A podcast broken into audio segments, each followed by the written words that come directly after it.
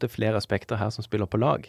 Eh, så, så, i motsetning til en medisin som kan ofte er veldig sånn målretta, så er på en måte fysisk aktivitet hele apoteket, på en måte, som, som du bare tar inn. Så alt, mange gode synergieffekter som, som spiller på lag.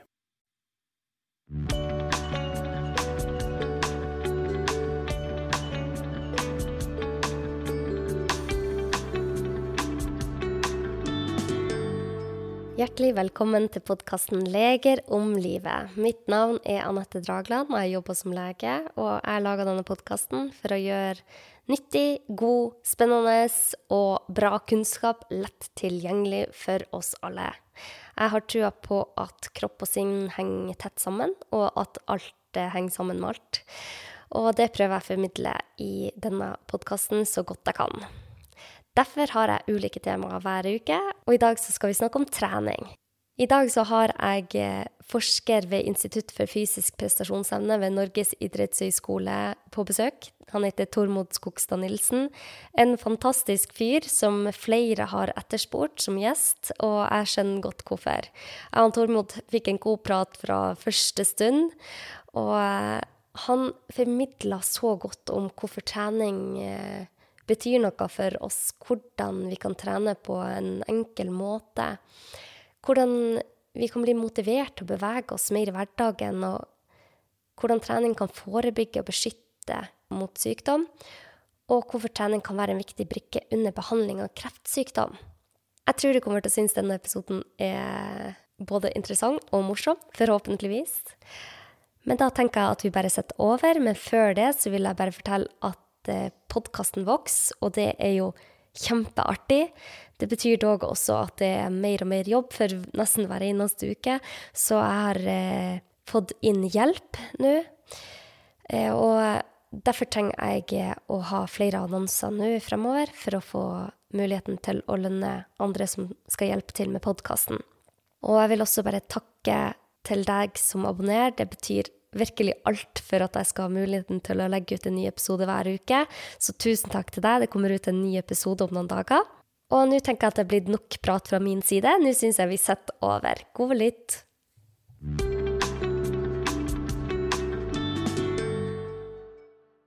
Ja, for det er vanskelig å endre Ja, fryktelig. vaner. Fryktelig. Jeg har eh, eh, I alle år så har tannlegen min mast på om, meg om eh, tanntråd. Ja. Og det, det har bare liksom ikke blitt noe. Jeg tror jeg har kjøpt tanntråd hvert år i ti år. eh, sånn, ja, fint, jeg skal kjøpe det. Eh, på, på tannlegekontoret hennes. Eh, og, og, men i fjor så tenkte jeg at eh, hvis jeg skal få folk til å begynne å trene, Ja. så må jo jeg kunne klare å få til en, en sånn liten endring. Altså få til de minuttene med, med flushing eh, hver kveld. Ja. Så jeg, må, jeg måtte måte gå inn for det. Jeg måtte skape den motivasjonen for å få det til. Eh, og få det inn i rutinene. Så nå, nå, nå funker det.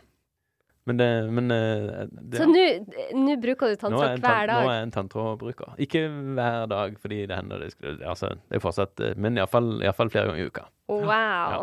Så du har faktisk fått til en varig endring? Jeg har fått en varig endring. Iallfall som jeg har holdt på med et år nå. Så får vi se. Det blir litt spennende da om hun klarer å se det. Nå må du bestille deg en ny time. Jo, jo. Det, det går sånn eh, årlig, da. Det er en eller annen gang på høsten. Så, så det var kanskje det òg som var litt av motivasjonen min, tror jeg. Eh, at eh, nå skal vi se hva hun sier. Ja, dette blir spennende. Så jeg gleder meg til å høre hva hun sier. Men Tormod, som jeg sa i introen. Du er ansatt som forsker ved Institutt for fysisk prestasjonsevne ved Norges idrettshøgskole. Og er forsker på effekten av trening under og etter behandling for kreft. Hva var det som gjorde at du ble så interessert i akkurat dette temaet? Du er veldig interessert i trening, og nå også sammenhengen mellom trening og kreft. Hva hva er det som eh, er så fascinerende med temaet? Jeg, jeg tror alltid jeg har vært eh, Altså, treningsbiten har på en måte alltid vært, eh, vært med meg. Jeg tror jeg begynte med friidrett da jeg var tre.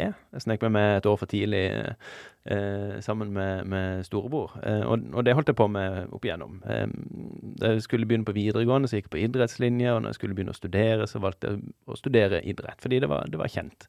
Så jeg tror treningsbiten har vært eh, en del av meg i lang, lang tid. Kanskje med noen opphold, sånn som det er hos de fleste, men, men eh, ja, treningsbiten har liksom alltid vært, vært der.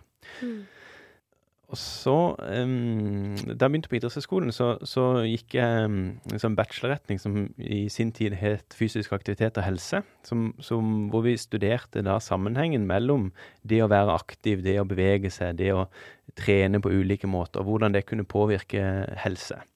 Eh, og, og, da fikk jeg en sånn fascinasjon for, for, um, for hva vi kan få til Uh, det å bevege seg, det å uh, Ja, holdt på å si noe så enkelt, men noe så vanskelig som, som, som, det å være regelmessig fysisk aktiv, hvor stor innvirkning det kan ha på, på livet vårt. Mm. Så, så, jeg tror det ble en sånn, sånn fascinasjon rundt det. Og så hvorfor vi havna innenfor kreft, det, det, var nok litt mer tilfeldig, tror jeg. Eh, Iallfall i starten. Fordi jeg hadde et lite sånn sidespor innenfor cellebiologien på, på master.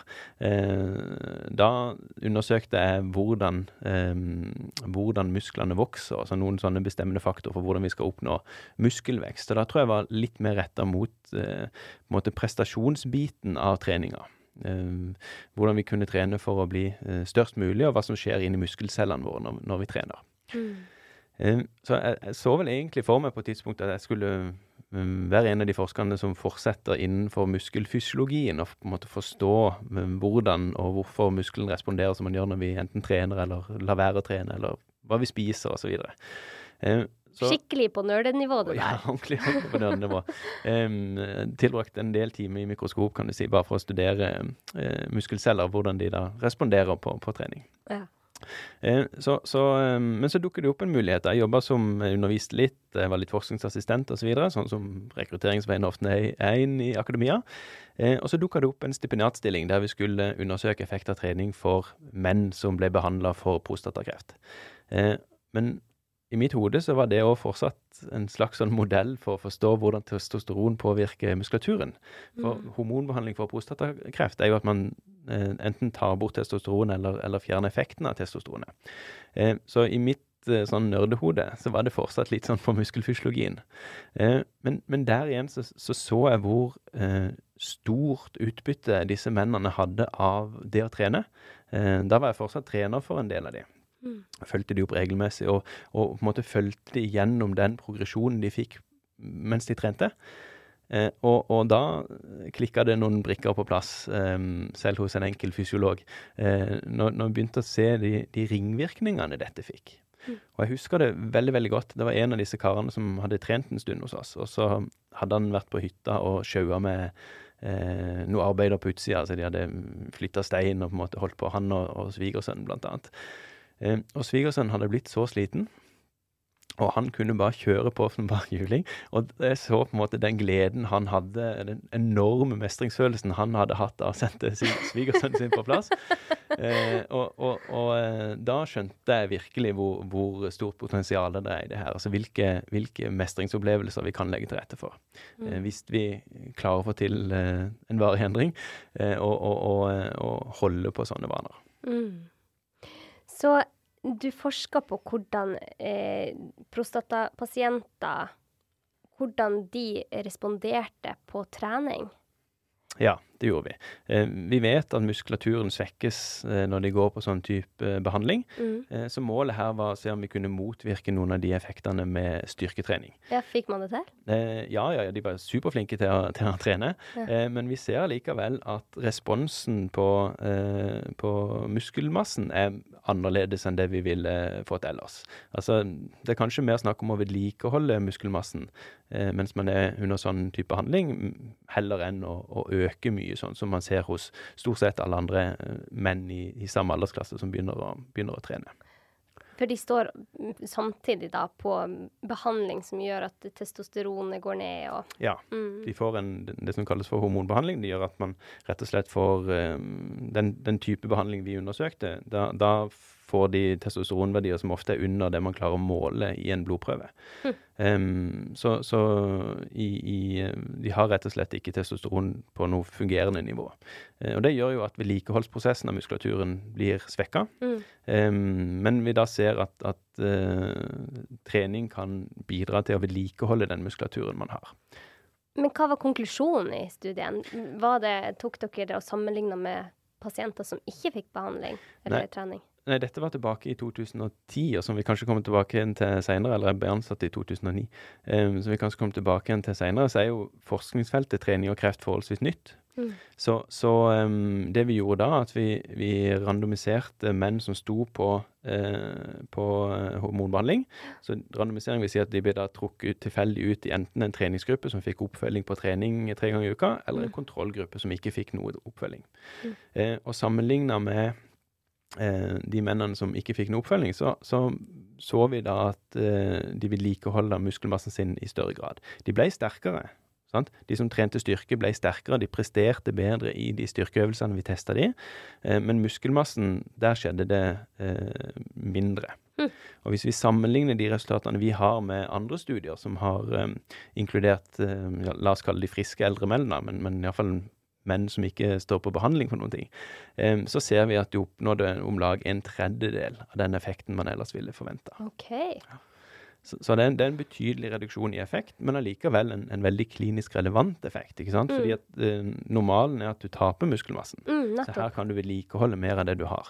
Eh, og sånn sett blir um, ja, en eventuell rehabilitering i etterkant blir jo da eh, enklere. Men så man også på responsen på behandlinga i seg selv? Nei, den studien gjorde vi ikke det. Da, da var det primære endepunktet å påvirke muskelmassen, muskelmassen, og så mm. hadde vi en del andre sånn endepunkter knytta til det. Uh, vi undersøkte òg psykologiske aspekter ved det her, som f.eks. Uh, eh, endring i livskvalitet, endring i fatigue, eller denne kreftrelaterte trettheten.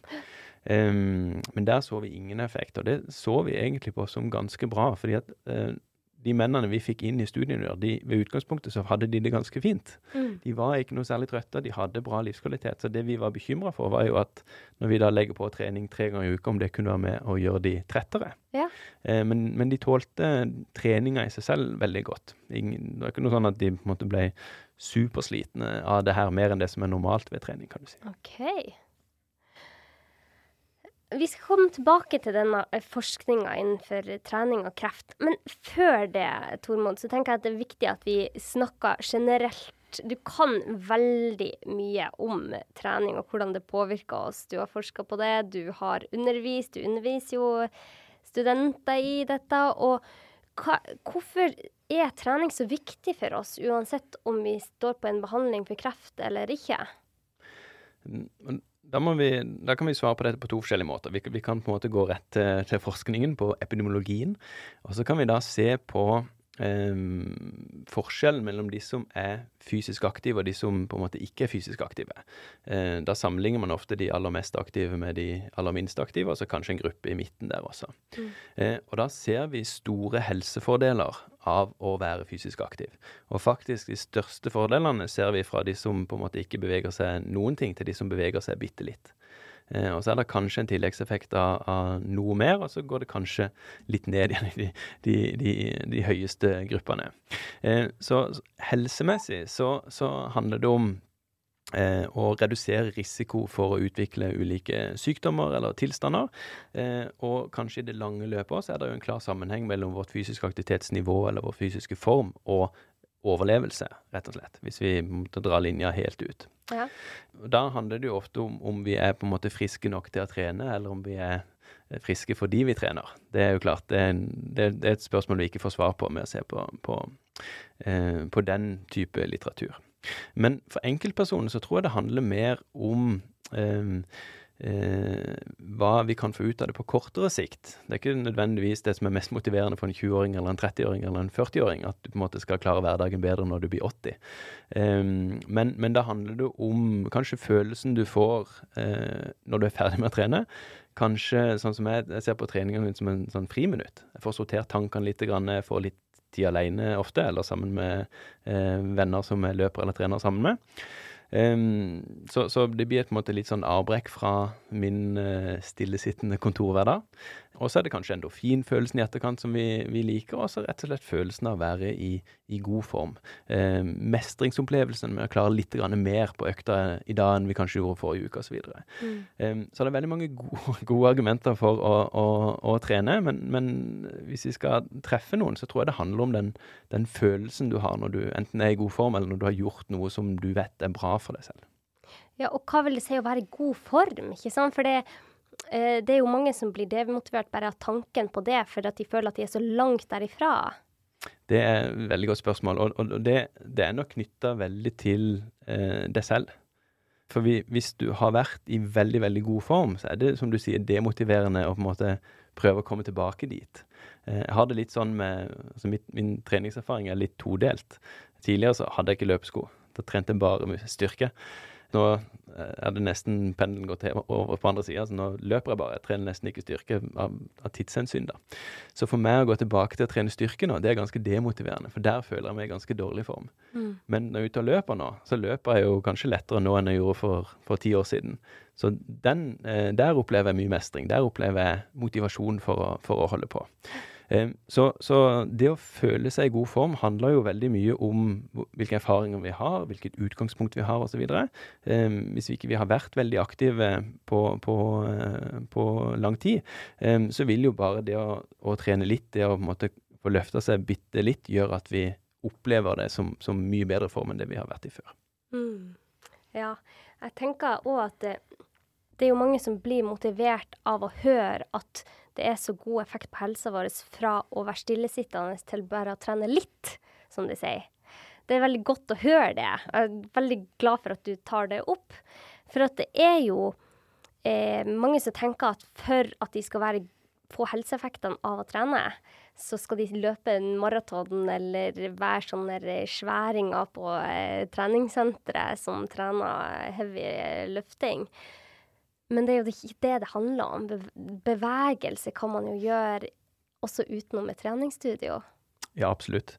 Eh, og, og, det er jo som altså, Det er litt flåsete å si, men det enkleste er ofte det beste. Men, eh, men, men her er det litt sant. Altså, det, det, som er enklest for deg å få til, det som du syns er gøyest å holde på med, mm. det er jo kanskje det som er enklest å fortsette med. Mm. Eh, og, og, hvis trening skal være veldig vanskelig, at, at du, måte, du, er nødt til å inn på et treningssenter, eller at du må opp på et visst nivå for at det skal være trening, for at du på en måte skal få noe ut av det, så, så blir det veldig vanskelig å opprettholde en sånn type aktivitet. Hvis ikke Du må iallfall ha en, en veldig sterk motivasjon for å holde på. Mm. Så, så, det å få til noe um, har absolutt en verdi. Den aller største helseeffekten, um, igjen når vi sammenligner disse her eh, gruppene på befolkningsnivå, uh, den ser vi ved å gå ifra å gjøre ingenting til å gjøre lite grann.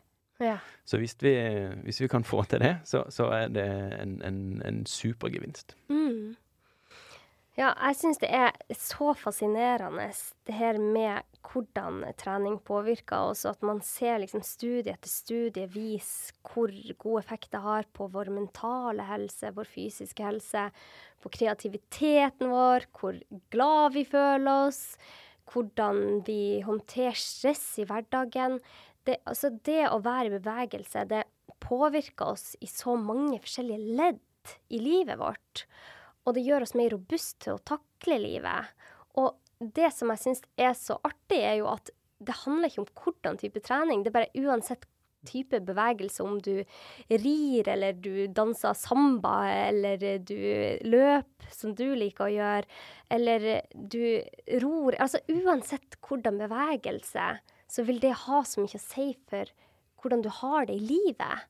Så det handler ikke om hvor mye muskler du klarer å bygge, men det handler om den der følelsen, som du sier. Den mestringsfølelsen og det at du føler deg vel med deg selv bevegelse er jo fundamentalt for oss.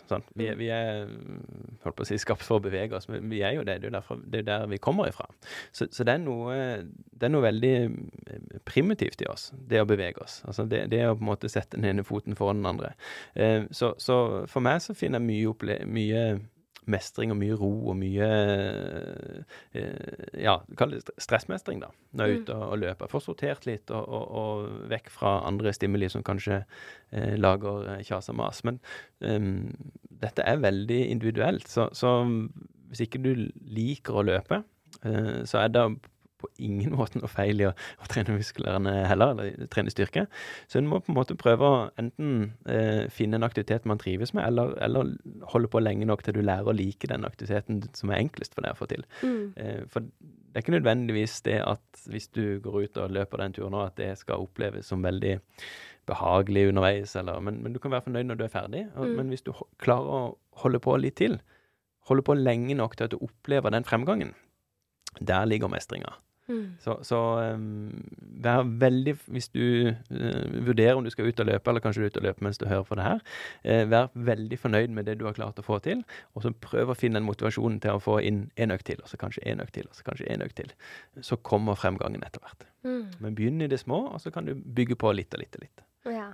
Så det er sånn du motiverer eh, dine Det heter vel ikke pasienter, det du holder på med, men de du jobber med? Hos oss eh, så, har vi, så gjør vi rene forskningsstudier. Ja.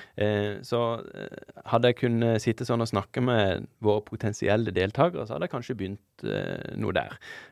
Forskning foregår litt annerledes. Da må vi på en måte henvende oss til deltakerne våre veldig, veldig korrekt, så de får tilsendt et informasjonsskriv. Så først må de da ha en motivasjon til å lese disse to-tre sidene som vi har skrevet, hvor det på en måte står veldig nøkternt forklart det vi skal, eh, det vi skal gjøre. Mm. Og så oppfordrer vi de til å ringe tilbake til oss.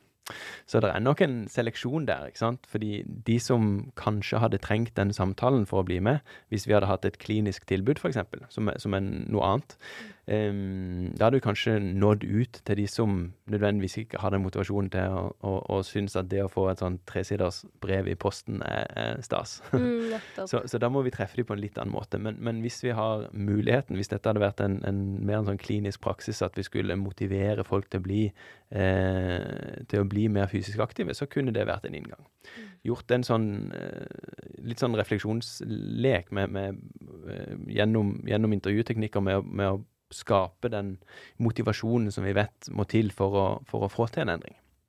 Eh, og da tror jeg det er viktig at en sjøl setter premissene, mer enn at en sånn forsker som jeg skal drive og forklare hvor, hvor fornuftig det er å trene. Mm. Så, så du, må, du, må, på en måte komme i, i, den som skal gjøre det her, den som skal gjøre jobben.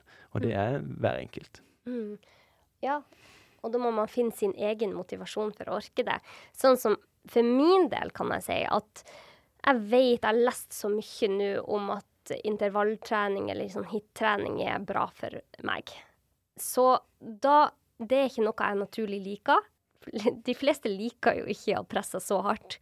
Men for at jeg skal motivere meg selv til å gjøre det, så har jeg funnet én bakke som jeg klarer å løpe opp, og så løper jeg den ti ganger en liten bakke. Men jeg gidder jo ikke gjøre det alene. Så jeg får med meg venninna. Så jeg har ei fast venninne som jeg trener eh, den intervalløkta med én gang i uka. Og det er litt sånn når du gjør det sammen med noen, så får du veldig dårlig samvittighet når du ikke blir med på en økt bare for at du er så sliten den dagen. Så du blir jo faktisk med. Og det tar bare 25 minutter. Vi er ferdig på 25 minutter, og jeg føler meg så bra etter den økta. Men hadde jeg ikke hatt Signe, så hadde jeg ikke orka å gjort det. ikke sant? Så det å finne én som gidder å gå de sånn Bare finne en bitte liten bakke, og så kan du begynne med å bare gå. Det gjorde jeg. Jeg bare begynte med å gå opp den bakken, og så går jeg ned. Og så etter hvert så blir det jogging, så blir det litt eh, fortere. og det, den lille økta der har veldig mye å si for i hvert fall min selvfølelse og hvordan jeg føler meg. Eh, så jeg tror at man skal prøv bare Tenk, Jeg må ikke begynne på treningsstudio. For det er mange som syns det er kleint. Jeg syns selv det er vanskelig å dra på treningsstudio alene. Jeg øver meg det er en øvingssak. Så begynner de små med å gå en tur ut i skogen, bare. Det, det, det er et veldig, veldig godt tips. Og det å ha den sosiale støttespilleren, eh, den er veldig, veldig viktig. Fordi at vi snakker om, om, ulike barrierer for fysisk aktivitet, at det er vanskelig å få til. Og det er ikke enkelt, det her. Men, men man må snu litt på det. Man må skape barrierer for å eh, skippe en økt. Mm. Og det at du vet at det står noen og venter på deg, det er helt klart et sånt virkemiddel vi kan bruke. Da har dere en fast uh, treningsavtale, det er bra, vi har fått inn i kalenderen, vi har holdt av tid. Uh, og i tillegg så er det noen som står og venter på meg. Hvis ikke jeg kommer, så må den personen gjøre dette alene. Så da spiller vi litt på vår uh, samvittighet også. Så, så det å, å, få til en sånn forpliktelse rundt det her, det tror jeg er superviktig. Mm. Men eh, det å trene intervalltrening og det å få til sånne mer avansert trening, det, det krever en viss kompetanse. Det er ikke, det er ikke fryktelig vanskelig, men, men, hvis du hadde angrepet den bakken litt for hardt de første gangene, sånn at du på en måte hadde kommet halvveis opp, og så hadde du gått deg pinn stiv av eh, at musklene liksom ikke funker lenger, ja. veldig andpusten, en fryktelig dårlig opplevelse, ikke sant? Ja. Da hadde ikke du gått tilbake og gjort dette en gang til. Nei. Men fordi at du kan litt om trening, eh, du kan på en måte styre intensiteten litt, så, så, klarer du dette på en, på en god måte. Så, så um, det er helt riktig som du sier, at du trenger på ingen måte det treningssenteret. Det, det klarer helt fint å trene på egen hånd, men, men noen sånne verktøy kan være lurt å, å kjenne til. Og et, en, en veldig grei tilbakemelding, det er pusten din. Så hvis du finner den bakken, så må den være eh, litt lang. For hvis den bakken er veldig kort, så må du løpe veldig fort, og det, det er slitsomt. Men, men finn en litt lang bakke. Hvor lang? Eh, ja, vanskelig. Det kommer helt an på hvor langt du kommer. Så, mm. så, så uh, her i Oslo som vi bor, så er det jo altså Skal du i Nordmarka, så er det motbakker uansett. Fra parkeringsplassen og uansett hvor du skal, så er det motbakker. De er fine. men, men det er jo mange som bor i byen. Jeg bor på Fornebu. Ja.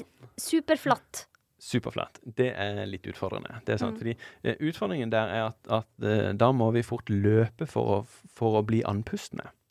Uh, Iallfall hvis vi er i, i uh, på en måte har holdt på litt. Grann, hvis, fordi det første trinnet, det, det, tenker jeg å komme seg ut og gå tur. Da er Fornebu helt supert. Sant? Mm. For der er terskelen er, er lav, det er, vel, det er, flatt. Sånn at uh, Flyplass. Så, sånn at der, der, klarer alle å, å, gå seg en tur. Mm. Men hvis vi blir litt mer avanserte, så vil vi gjerne ha opp pulsen litt. Eller bli mer andpustne, som er et symptom på pulsen stiger. Ja. Så, så, da kan det være lurt å finne en, en motbakke. Den, um, hvor lang og hvor bratt den skal være, det, det, det er ikke noe fasitsvar på det. Men, men uh, det som er viktig, er at du på en måte kjenner litt etter på pusten din. Mm. Og da har vi noe som vi kaller for snakketerskel. Mm. Fordi eh, etter hvert så, så, blir vi så andpustne at det er vanskelig å snakke. Eh, hvis det blir så vanskelig å snakke at du kun klarer å si ja, nei, vet ikke, eller sånn korte stavelser, da, da er intensiteten litt høy. Men eh, intensiteten kan godt være så høy at det er vanskelig å snakke lange setninger. Sånn at du kanskje må ta noen sånne pustepauser imellom hvert ord. Sant? Da, da, begynner det å bli litt. Men du klarer fortsatt å gjøre, uttrykke det, men det blir vanskelig å snakke. Det er en veldig fin intervallintensitet. Eh, ja. eh, og da tar det ofte et par minutter for å komme opp der, men, mm. men hvis du da klarer å holde den i to, tre, fire minutter, så er det supert. Mm. Så kan du være superfornøyd mens du tusler ned igjen. Og så må du jobbe opp motivasjonen til å snu og løpe opp igjen et par ganger til. da. ja, ja, ja, nettopp. ja, så, så, så um, finn, finn, finn, et sted som, som, egner seg. Bruk pusten din. Finn uh, snakketerskelen. Um, så er det gode verktøy å bruke. Mm -hmm. Veldig bra, Tormod. Det er greit å, å bare kunne litt om det der når man kommer i gang. Det, det, er jo en av de tingene vi ser skill... Altså, vi snakker om, om å nå myndighetene sine aktivitetsanbefalinger. Eh, det som kjennetegner den relativt lille eh, eh, gruppa i Norge som, som, når aktivitetsanbefalingene, det er at de, de, kan litt om trening. De føler kompetanse rundt det å trene. Da er det mye lettere å få til trening. Så hvis man har litt begreper om intensitetsstyring, som f.eks. snakketerskel, eller har en pulsklokke eller et eller annet sånt, så, så gjør det det lettere. Mm. Men man får, man får, dette til uten utstyr også. Når vi snakker om trening og kreft, så er det jo litt sånn intuitivt tenker man åh, under en kreftbehandling bør man ta det med ro. Man, de bør ikke presse seg, for de er under en veldig hard behandling. Men hva har dere funnet ut av der? Det, det tror jeg er en tanke veldig mange kan, kan kjenne seg igjen i. Altså, jeg tror man eh, jeg tror denne perioden hvor man er under utredning, og kanskje i starten av behandling, så har man uendelig mange spørsmål. Og man er usikker på fryktelig mye. Eh, og, og, det er riktig som du sier, mange av de behandlingene som tilbys i dag, er jo krevende for, for pasienten å stå i. Eh, og derfor, Du skal ikke så veldig mange årene tilbake før anbefalingene var eh, det å ta det med ro. Hvile og på en måte samle energi for å tåle den belastninga du nå skal gjennom i, i, i kreftforløpet. Og hvis vi sammenligner oss med andre, andre måte, store forskningsfelt innen trening og helse, f.eks. trening og hjerte-karsykdom og sånne ting, så kom jo der de første studiene på 1950-tallet, hvor man begynte å se sammenheng mellom fysisk aktiv, og, eh, eller fysisk aktiv eh, hverdag og, og, og, mindre sjanse for å utvikle hjerte-karsykdom. Så de kom jo på en måte tidlig på, på 1950-tallet. Ja. Eh, til sammenligning så kom de første studiene der kreftpasienter trente seint på 80-tallet. Da var det et par kreftsykepleiere som hadde erfaring fra hjerterehabilitering, som, som, undersøkte effekten av å trene mens Jeg tror dette var kvinner som, som hadde brystkreft. Eh, så de undersøkte effekten av å trene mens de sto på behandling. Og da så de jo det stikk motsatte at den gjengen som, som, da drev med rett og slett intervalltrening i sykehuskorridorene, eh, opplevde mindre kvalme, de var mindre plaga av fatigue, og jeg tror til og med de hadde noe kortere sykehusopphold sammenlignet med kontrollgrupper da, som ikke fikk tilbud om trening. Så, så, eh, så resultatene fra disse pionerstudiene viste at, at trening hadde sånn sett motsatt effekt av det man trodde. De ble ikke mer slitne, men de ble faktisk mindre slitne eh, av å trene mens de sto på sånn type handling. Så, så, det er litt sånn kontraintuitivt, kanskje, at, at uh, ved, å, ved, å, bruke energi, så får du mer energi. Men, men, men, det handler kanskje litt om denne restitusjonskurva som vi ofte bruker innen treningslære. At når du underveis når du trener, så, så blir du rett og slett litt dårligere form du, du er hvis, hvis, vi går tilbake til styrketrening, så er du kanskje 10-15% svakere på slutten av en styrketreningsøkt enn du var før. Mm. Eh, men så er det jo restitusjonen som gjør at vi henter oss inn igjen. Mm. Og det, det som er kanskje det viktigste aspektet ved eh, trening generelt, men kanskje spesielt i en kreftsetning, at, at Én ting er å kommunisere at det er fornuftig å være fysisk aktiv eller fornuftig å trene mens man er under behandling, men det er vel så viktig også å sette av tid til den restitusjonsfasen. Så mm. det at vi trener og har en, en sånn mm, gradvis tilnærming til trening, eh, veldig rolig progresjon underveis Progresjon altså at vi legger på kanskje mindre motstand mm, fra økt til økt enn vi kanskje ville gjort ellers. Prøve seg forsiktig fram eh, gjør at vi rett og slett håndterer dette bedre enn vi hadde gjort ellers. Men da eh, tenker at mange lyttere tenker åh, men hvor mye skal jeg restituere da? Og hvor hardt skal jeg trene? Og, og, det er veldig veldig gode spørsmål, og fryktelig vanskelig å svare på. Um, fordi at, at, dette er nok veldig individuelt. Altså, Kreft og kreftbehandling kan være så mangt. Uh, alt ifra å, å fjerne, fjerne et, et, hudområde til, til full rulle med, med, med, stråling og cellegiftbehandling, immunterapi osv. Så, videre. så Så Eh, kreftbehandling er så mye, og, og, trening er så mye på toppen av det her. Mm. Um, så den Altså det å gi sånne generelle råd om trening under behandling, det er fryktelig vanskelig. Men um, det de skal vite, det lytterne dine skal vite, er at uh, rundt forbi på norske kreftsykehus som har et visst volum av kreftpasienter, så er det mange steder etablert såkalte pusterom som er eh, rett og slett treningssenteret hvor, eh, hvor, personer som er under og rett etter kreftbehandling, kan gå og få hjelp. Um, der møter de fysioterapeuter eller idrettsutdanna med, med, god kompetanse på både treningsbiten og onkologibiten. Ja. Uh, og den kunnskapen er uh, veldig veldig nyttig for å skreddersy trening. Eller ja, vi snakker ofte om, om persontilpassa behandling i, i, moderne kreftbehandling, men vi kan på samme måte snakke om persontilpassa trening. Uh, for det skal passe til den som skal gjøre treninga, og det skal passe til den behandlingstypen som, som, som denne personen skal, skal gjennom. Da. Hvordan skal man motivere seg til, selv til å trene når man er under en så heavy fysisk og mental uh, utfordring som det er? Hvordan skal man finne ut at dette er noe for deg? Hva, hva viser forskninga? Hvorfor er dette bra? Da er vi tilbake igjen til litt av de helsefordelene som vi snakka om i stad. Eh, mm. det å kommunisere et, et, et vell av helsegevinster av trening tror jeg kanskje ikke har eh, all verdens effekt. Eh, men eh, på de sykehusene hvor det er eh, pusterom, så gå og ta den første samtalen. Mm. Eh, fordi eh, trening på et pusterom Nå skryter jeg fælt av pusterommene, og, det er vel fortjent ros, eh, men, men, eh, det finnes helt sikkert eh, lignende tilbud på andre sykehus. Altså, det finnes jo fysioterapiavdelinger og, og, mange steder hvor du kan få treffe folk med kunnskap om trening. Jeg snakker om pusterommene fordi det er på en måte spesialisert til å legge til rette for trening mens de er under kreftbehandling. Derfor snakker jeg mye om det nå. Jeg måtte, ja, måtte bare oppklare det litt. Ja. Um, men, men, men det foregår så mye annet enn en bare den treningsbiten. Sant? Trening, For meg som er fysiolog, så er det veldig enkelt å tenke på det som skjer med kroppen vår når vi trener. Men eh, oppsøker du eh, fagfolk, så kan de ofte svare det på spørsmål du har rundt andre ting, andre aspekter òg.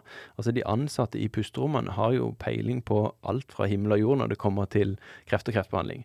Så de kan på en måte trygge deg på, på alt dette andre òg. Og i tillegg så er det ofte gruppebasert trening, så du trener sammen med like personer. Mm. Kanskje du møter folk som har vært gjennom mye av det du skal gjennom eh, snart. Eh, de kan fortelle om sine erfaringer. De du kan spørre om det du er urolig for. Eh, så er det på en måte det aspektet i tillegg til eh, disse gunstige helseeffektene du får, kunne få av, av, trening. Sånn fysiologisk, da. ja. Eh, men da tenker jeg eh, For det er, veld, det er fantastisk at det finnes sånne tilbud. Men for de som hører på nå og tenker hm, jeg burde trene, hvorfor bør jeg trene? Vis det at man får mer ut av behandlinga? Blir man fortere frisk? Har man eh, større sjanse for å overleve kreft? Er det noen sånne studier? Eh, ja, det, det, var ganske mange spørsmål i, i ett. Jeg skal prøve å ta det litt sånn i rekkefølge. Hvis, hvis, de lurer på hva de kan få ut av å trene først, så, så handler det litt om eh, disse plagene vi snakka om i stad. Eh, det er det ene. Den kreftrelaterte trøttheten er kanskje en av de hyppigste, mest plagsomme bivirkningene man kan få mens man står under behandling. Fatigen. Fatigen, ja. ja. Og jeg, eh, jeg tror de aller fleste pasienter som går gjennom på en måte en, en, en, kreftbehandling av en viss intensitet, vil, vil, føle på det på et tidspunkt.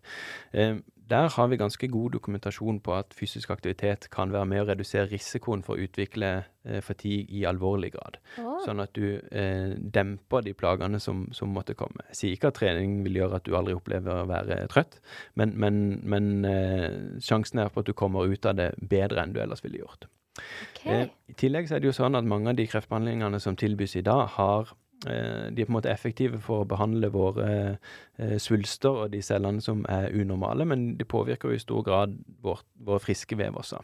Så, så um, du kan finne bivirkninger på hjertet, på andre steder i sirkulasjonssystemet, på muskulatur osv. Så, videre. så det er ganske vanlig at, at vår fysiske form reduseres. Eh, og snakker om biologisk aldring, jeg er ikke noen fan av det, men, men men hvis vi sammenligner vår fysiske form, så kan vi dele det inn i sånne alderskategorier. Vi vet jo at, alder, at med alderen så, så, blir vi i, i dårligere form. Eh, og det vi ofte ser gjennom en sånn ja, si en, en ganske vanlig cellegiftkur for brystkreft, f.eks., da, ser, da ser man at de ofte eldres da om lag ti år. Oi. Så i løpet av de ja, seks månedene eller tolv månedene man står på, på sånn type behandling, så, så, så får man da en, en fysiologisk aldring i om, om, ti år. Um, så det å, trene, wow. det, å, det å trene, det å være fysisk aktiv underveis, kan være med å redusere noe av den effekten man ser. Så, så i stad snakka vi om det å føle at du er i god form. Det er ikke sikkert opplevelsen av å være i god form er, er det du kjenner mest på, selv om du trener under sånn type handling, men, men kan hende at den fysiske formen din hadde vært vesentlig dårligere hvis ikke du hadde trent. Så dette må vi bare stoppe litt på, for dette syns jeg var utrolig spennende, Tormod.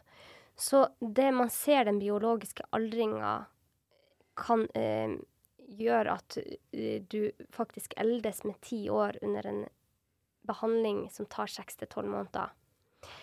Og det er jo mye forskning på dette med aging og sånn, men det å trene under behandlinga kan motvirke det til en viss grad, i alle fall, så kroppen ikke eldes så fort gjennom en behandling. Er det det du sier? Det er det jeg sier. Altså, når vi snakker om fysisk form, så snakker vi ofte om eh, det maksimale oksygenopptaket. Som rett og slett er eh, i hvor stor grad du klarer å utnytte da, den, den oksygenet som finnes i lufta. Altså, det handler om eh, transporten i lungene, og så handler det om å få det oksygenet fra lungene over i blodbanen, og så handler det om å få det ut til muskulaturen via hjertet, og så handler det om hvordan musklene kan utnytte den oksygenen som er tilgjengelig. Mm. Så, så utholdenhetsidretter, der finner man jo typisk veldig høyt oksygenopptak. Hos oss vanlig dødelige så finner vi selvfølgelig lavere oksygenopptak. Og så vet vi at eh, oksygenopptaket, iallfall fra vi har fylt 40 og utover, så synker oksygenopptaket vårt med ca. 1 hvert år. Og når vi måler eh, det maksimale oksygenopptaket før og etter en sånn cellegiftkur, så er det typisk det man ser. Man har, I litteraturen så ser vi at eh, eh oksygenopptaket reduseres med om lag eh, ja, fra 10 opp mot 25% og sånn sett så er ti års aldring, fysiologisk aldring, um, et, et, ja, øvre del av det vi kan forvente. på å si. Det fins, eh, ned mot 25 og sånne ting òg. Eh, det som er der, er ofte at det er eh, oksygenets transportkapasitet som er redusert. Og, og det kan fikse seg ganske kjapt etter vi er ferdig med behandling. Mm. Men man ser, det er noen studier fra USA blant annet, hvor man har undersøkt eh, brystkreftpasienter som har vært ferdigbehandla for flere år tilbake. Og da ser man fortsatt en sånn avstand mellom, mellom det som er forventa i, i den aldersgruppa som, som de tilhører. da. Mhm. Eh, og, og da er det normalt at man ser en sånn ti års forskjell, da. Okay. Eh, hvor de pasienter i, i USA blir behandla med litt andre cellegifttyper enn det de gjør i Norge. Eh, og jeg kan ikke eh, i dag komme på studier som har undersøkt dette her i, i Norge. Nei. Det kan jeg ikke. Men det der er veldig interessant uansett. Så det er jo noe man virkelig mm, Jeg tenker at det kan gi motivasjon. Helt klart. altså, fordi der igjen så er det, det er ikke sikkert det er så mye som skal til. Men hvis du klarer å eh, enten gå tur mens du er under behandling, få deg en, en intervallvenninne, eh, eller en tur, eh, en turkompis Ja. Det å komme seg ut, det, klar, det å være litt fysisk aktiv har mye å si. Eh, og, og det å være Altså, jeg, jeg liker å være ute, så jeg bruker naturen en del, men, men det å være ute har andre har andre effekter òg. Eh, vi blir lettere til sinns. Eh, det blir litt enklere hvis vi bare kommer oss ut. Så, så, så prøv det. Og, og der kan det være en regel. altså Det er ikke det, er ikke det at jeg skal trene for enhver pris, men, men prøv. altså Ta på deg skoene, gå ut, og hvis ikke du liker det du holder på med når det er gått ti minutter, så bare snu og gå hjem igjen. Ja. Fordi, fordi det skal være lystbetont òg. Og ikke minst, eh, da har du allerede vært på tur i, i 20 minutter, så da har du Mm. fått økta di. Mm. Så, så, så noen sånne mm, jeg, jeg må- bruke det litt av og til for at jeg skal finne motivasjon til å trene. Mm. Ta på deg skoene og, gå ut og, og, og prøv. Eh, jeg har ennå ikke snudd, fordi når jeg bare kommer ut og kommer i gang og blir varm, så, så går ting ganske greit. Men, men jeg har alltid den optionen at hvis jeg ikke liker det jeg holder på med, så, så finner jeg på noe annet. Mm. Men så liker jeg det jeg holder på med, da. Ja. OK. Hva mer viser eh, studiet at, at trening gir under en kreftbehandling av positive fordeler? Eh, Når det kommer til det å, å håndtere behandling, det å, å, å eh, eventuelt være på sykehus kortere tid eller raskere tilbake i jobb og sånne ting, så så er det eh, ikke all verdens av dokumentasjon. Men det finnes noen studier som er verdt å nevne. Eh, blant annet en studie fra Sverige, igjen innenfor brystkreft. Det, det, det er kanskje en, en ganske stor svakhet med litteraturen på trening av kreft. Fordi at sikkert 80% av studiene som er gjort, er gjort på kvinner som er under kreftbehandling for brystkreft, eller som har tidligere mottatt brystkreftbehandling. Ja. Eh, så vi vet ganske mye om, om, eh, om kvinner som står på- behandling for brystkreft, men, men mindre om disse andre kreftformene. Så, så mye av det jeg sier da, er på en måte påvirka av, av det. Ja. Og, og det er viktig å huske på, fordi det kan være helt andre utfordringer du står i hvis du har et lymfom, eller hva det måtte være. Mm. Eh, men det finnes en studie fra, fra Sverige, eh, igjen på brystkreftpasienter. Eh, det som er fint med Sverige, er at de kvinnene der behandles eh, likt som, som i Norge. Ganske likt, i alle fall. Det ligner de samme cellegiftkurene som gis. Eh, og der eh, igjen kvinner ble randomisert til enten trening, og da var det innslag av eh, intervalltrening annet, eller en, en, en kontrollgruppe. Og da så man at kontrollgruppa reduserte sitt oksygenopptak med om lag 10% sånn som vi snakka om i stad, eh, og at dette da ble motvirka i eh, den gjengen som, som trente. I den studien der så så man nå at kvinner som var i treningsgruppa, hadde kortere sykemelding enn kvinnene i kontrollgruppa. Så er det ikke all verdens med, med dokumentasjon på, på akkurat sånne ting.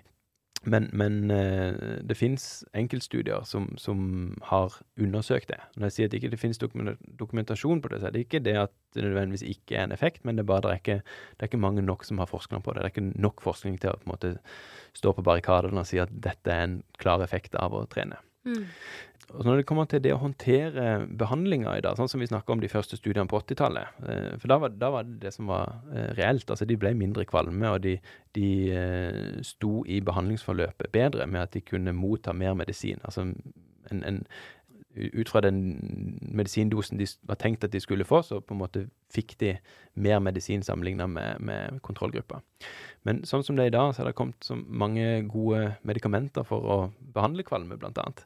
Så, så i dag så har vi kanskje ikke den effekten, fordi man rett og slett får mer kvalmestillende medisiner eh, underveis. Så, så um, hvorfor man skal trene i dag, så handler det kanskje om å, å, redusere noe av den effekten som går på fysiologien vår, den som går på disse aldringsprosessene som vi snakka om i stad. Ja. Eh, mindre grad av fatigue.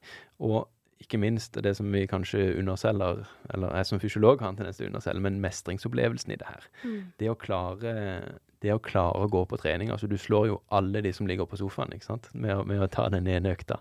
Ja. Eh, så, så, det å på en måte gjøre noen sånne triks for å overdrive mestringsopplevelsen med det du holder på med, tror jeg kan være en god måte å spille opp endorfinene på.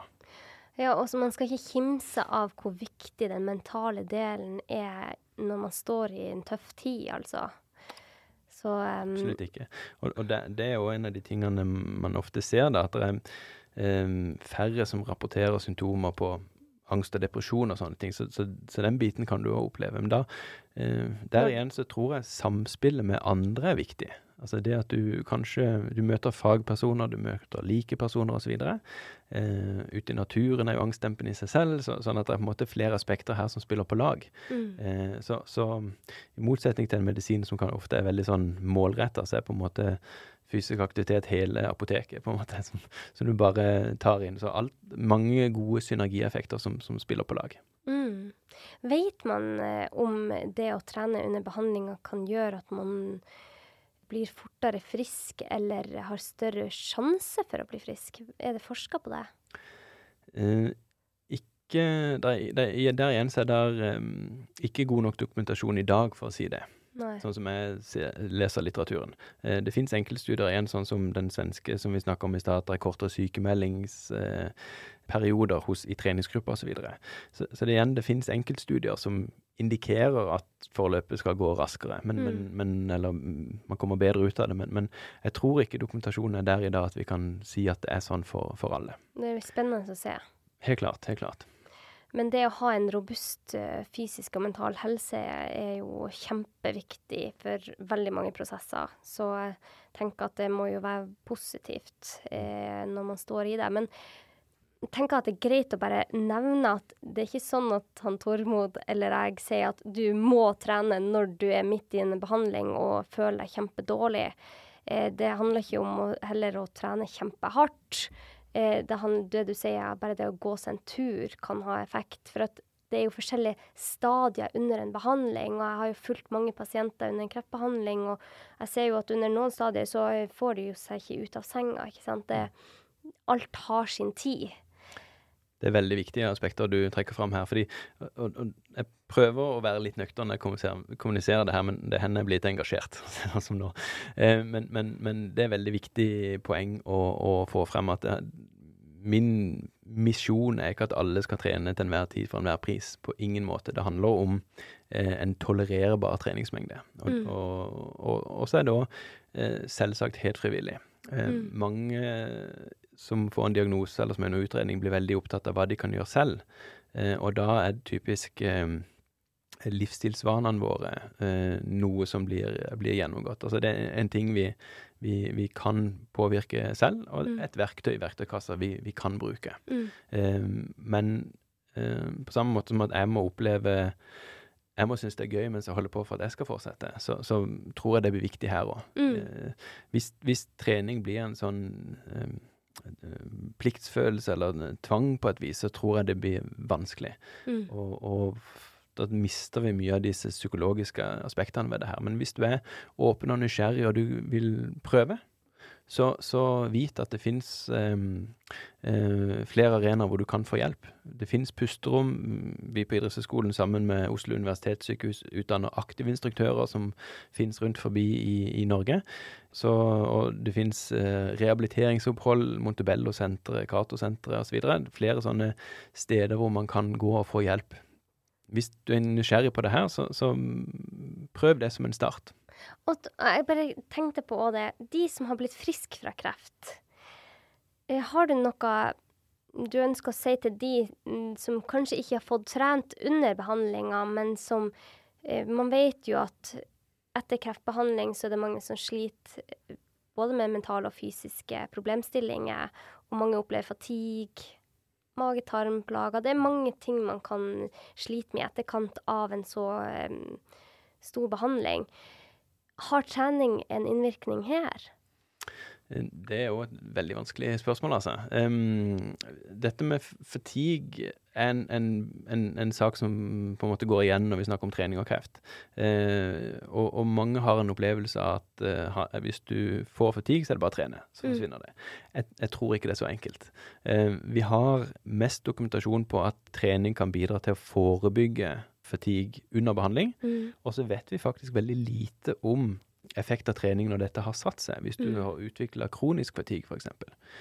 Sjansen er jo at, at, det er litt andre mekanismer som, som, spiller inn da. Altså at den fatiguen er annerledes enn den fatiguen du opplever under behandlinga, selv om det kan oppleves likt. Men, men, hvis dette har satt seg og blitt kronisk på et vis, så, så, tror jeg det ikke at det er så enkelt som at det er bare å trene. Mm. Eh, nå er det satt i gang en, en en studie initiert av Oslo universitetssykehus og, og Lene Thorsen, som, som, jobber der, hvor vi skal undersøke effekt av eh, veldig tilrettelagt trening hos personer som har utvikla eh, kronisk fatigue. Så det blir en veldig veldig viktig studie, fordi at i dag finnes det bare én studie fra Trondheim i sin tid, tror jeg, eh, publisert tidlig på 2000-tallet. Eh, um, den er ikke veldig stor, det er, det er en håndfull deltakere rundt 15-20 eh, stykker. Um, sånn at det er på en måte den kunnskapen vi har i verden om trening med kronisk fatigue i dag. Kan hende det er et par andre studier, men det er veldig, veldig få. Så, så studien som er nå underveis, det blir uh, veldig, veldig spennende å se hva som kommer ut av den. Uh, og da er det en, en mer sånn tverrfaglig tilnærming til, uh, til fatigue-problematikken òg.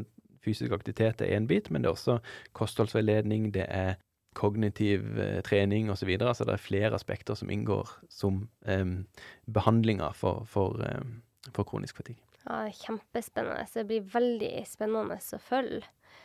Du sa, du sa også noe som jeg syns var veldig eh, bra. Og det handler ikke det der om å prakke på noen, men det å gi verktøy. Og jeg får av og til tilbakemeldinger på podkasten om at eh, tips som kommer, er er på en måte Det kan gjøre at enkeltmennesker får dårlig samvittighet for at ikke de får det til. Og jeg må si at jeg har jobba som lege i ti år, og jeg ser at når mine pasienter får verktøy, og jeg snakker med dem om det på en empatisk måte, og ikke prøve å prakke på dem noe, og ikke prøve å gi dem dårlig samvittighet hvis ikke man får det til, så opplever jeg at mine pasienter får utrolig mye mestring av å kunne få litt verktøy som de selv har kontroll på. For det er så mye helsevesenet har kontroll på når man får en sykdom eller en lidelse. Men det å kunne gi de verktøy som de selv kan få, eh, muligheten til å gjøre for å, å, styrke sin egen helse, opplever jeg at veldig mange syns er utrolig deilig. Fordi at det at alle andre skal bestemme hvordan livet ditt er under en sånn behandlingsform, er ganske mentalt krevende. Og når man da får verktøy der man får vite at kanskje litt trening, f.eks., eh, det at jeg går meg en tur ut, kan hjelpe meg i denne vanskelige tida, vil de aller fleste synes det er veldig deilig. For det å vite at man selv kan gjøre tiltak, det, det vi, vi, mennesker er selvstendige individer. Vi ønsker å kunne gjøre det som er bra for oss. Og så må man velge ut av alle de rådene og verktøyene man får, hva som passer for en i sitt liv. Og det er jeg kjempeopptatt av. Og jeg er kjempeglad for at du forsker på dette, Tormod, for dette er håndfast og veldig nyttig det er sånne små verktøy som kan bety enormt mye for kvaliteten på en persons liv. Så jeg syns du har forklart dette veldig godt, og jeg er veldig takknemlig for at du tok deg tid til å bli med. Har, er det noe vi har glemt å gå gjennom nå mens vi har prata? Jeg tror vi har dekka ganske mye. Altså det viktigste er jo å, å få fram hvor de eventuelt kan få hjelp. Ja. Og det har vi jo nevnt både pusterom, aktive instruktører og rehabiliteringsinstitusjoner rundt forbi. Eh, snakk med fastlegen din om, om eh, tilbud eventuelt i kommunene, du har frisklivssentraler osv. Ja. For, for hver og enkelt så handler det kanskje om å finne ut av um, hvorfor. Hvorfor er trening viktig? Hva er det du ønsker å oppnå med trening? Mm. Hva er, det trening, hva er det du tenker at trening kan gjøre for deg? Og så gjøre en liten sånn refleksjonsøvelse rundt det, med, med å øh, virkelig øh, grave det ned i hva du ønsker å få ut av det her. Hvorfor det er viktig for deg, og, og kanskje også øh, hva er konsekvensen av å ikke gjøre det. Mm. Hva, hva, er det du går glipp av med å ikke være fysisk aktiv? Eh, for da, da, kan kanskje denne snøballen begynne å rulle litt, og så finne ut av hva er det, de, hva er det du enklest kan få til. Er det Mm. noe du kan gjøre akkurat nå? Er det en eller annen sånn bevegelsesform du kan gjøre nå? Kan du bryte ut i spontan dans? Kan du, kan du, kan du eh, trene litt bevegelighet hvis det er det som begrenser deg når du skal ut og gå? Kan du gjøre noen styrkeøvelser der du er nå? Kan du ta deg en tur ut? Altså, hva, hva, hvilke små tiltak kan du gjøre? Mm. Og hvordan kan du flette det inn i dine rutiner? Mm. Um, og ikke minst få gjerne en sånn sosial forpliktelse. En, eller venner, som de heter. Til- Sosial forpliktelse eller venner. Til å, til å, ja, som, som du kan gjøre det her sammen med. Fordi da, da øker vi rett og slett terskelen for å ikke få det til. ja. Veldig bra. Jeg har et siste spørsmål til deg, Tormod. Gjennom lang erfaring og mye forskning, og du har jo undervist studenter i mange år, og hva er Hva har du lært? Hva tenker du er viktig å få fram et siste tips som du tenker at det er nyttig for eh, de fleste av oss å vite? Jeg tror det er viktig at vi som snakker om dette, eh, i motsetning til det kanskje har vært eh, i dag, prøver ikke å være så himla naive og, og tro at trening er lett. Mm. Altså, det å være fysisk aktiv er jo dødsvanskelig. Det, altså, i seg selv, det å gå er ikke så vanskelig, men, men det å gjøre dette regelmessig er fryktelig vanskelig å få til. Mm. Så, så vi må være litt ærlige når vi, når vi kommuniserer det her. Det, det, for mange så vil det oppleves som en veldig sånn forpliktelse å skal i gang med noe sånt som det her. Så det å, å begynne å trene er ikke enkelt. Men, men, men øhm, øh, Ja, det blir litt sånn gjentagelse, men, men begynne det små. Altså gjør, gjør noe. Mm. for, for det er der gevinsten ligger, tror jeg. Mm. Det å begynne med, med noe, Mm. og så kanskje det baller på seg, eller kanskje det forblir akkurat der. Mm. Men, men gjør noe som, som du opplever som så enkelt at du kan tenke deg å gjøre det en gang til. Og så har jeg en kollega, eh, en professor også, som, som eh, sier 'tren i dag så du får lyst til å trene i morgen'.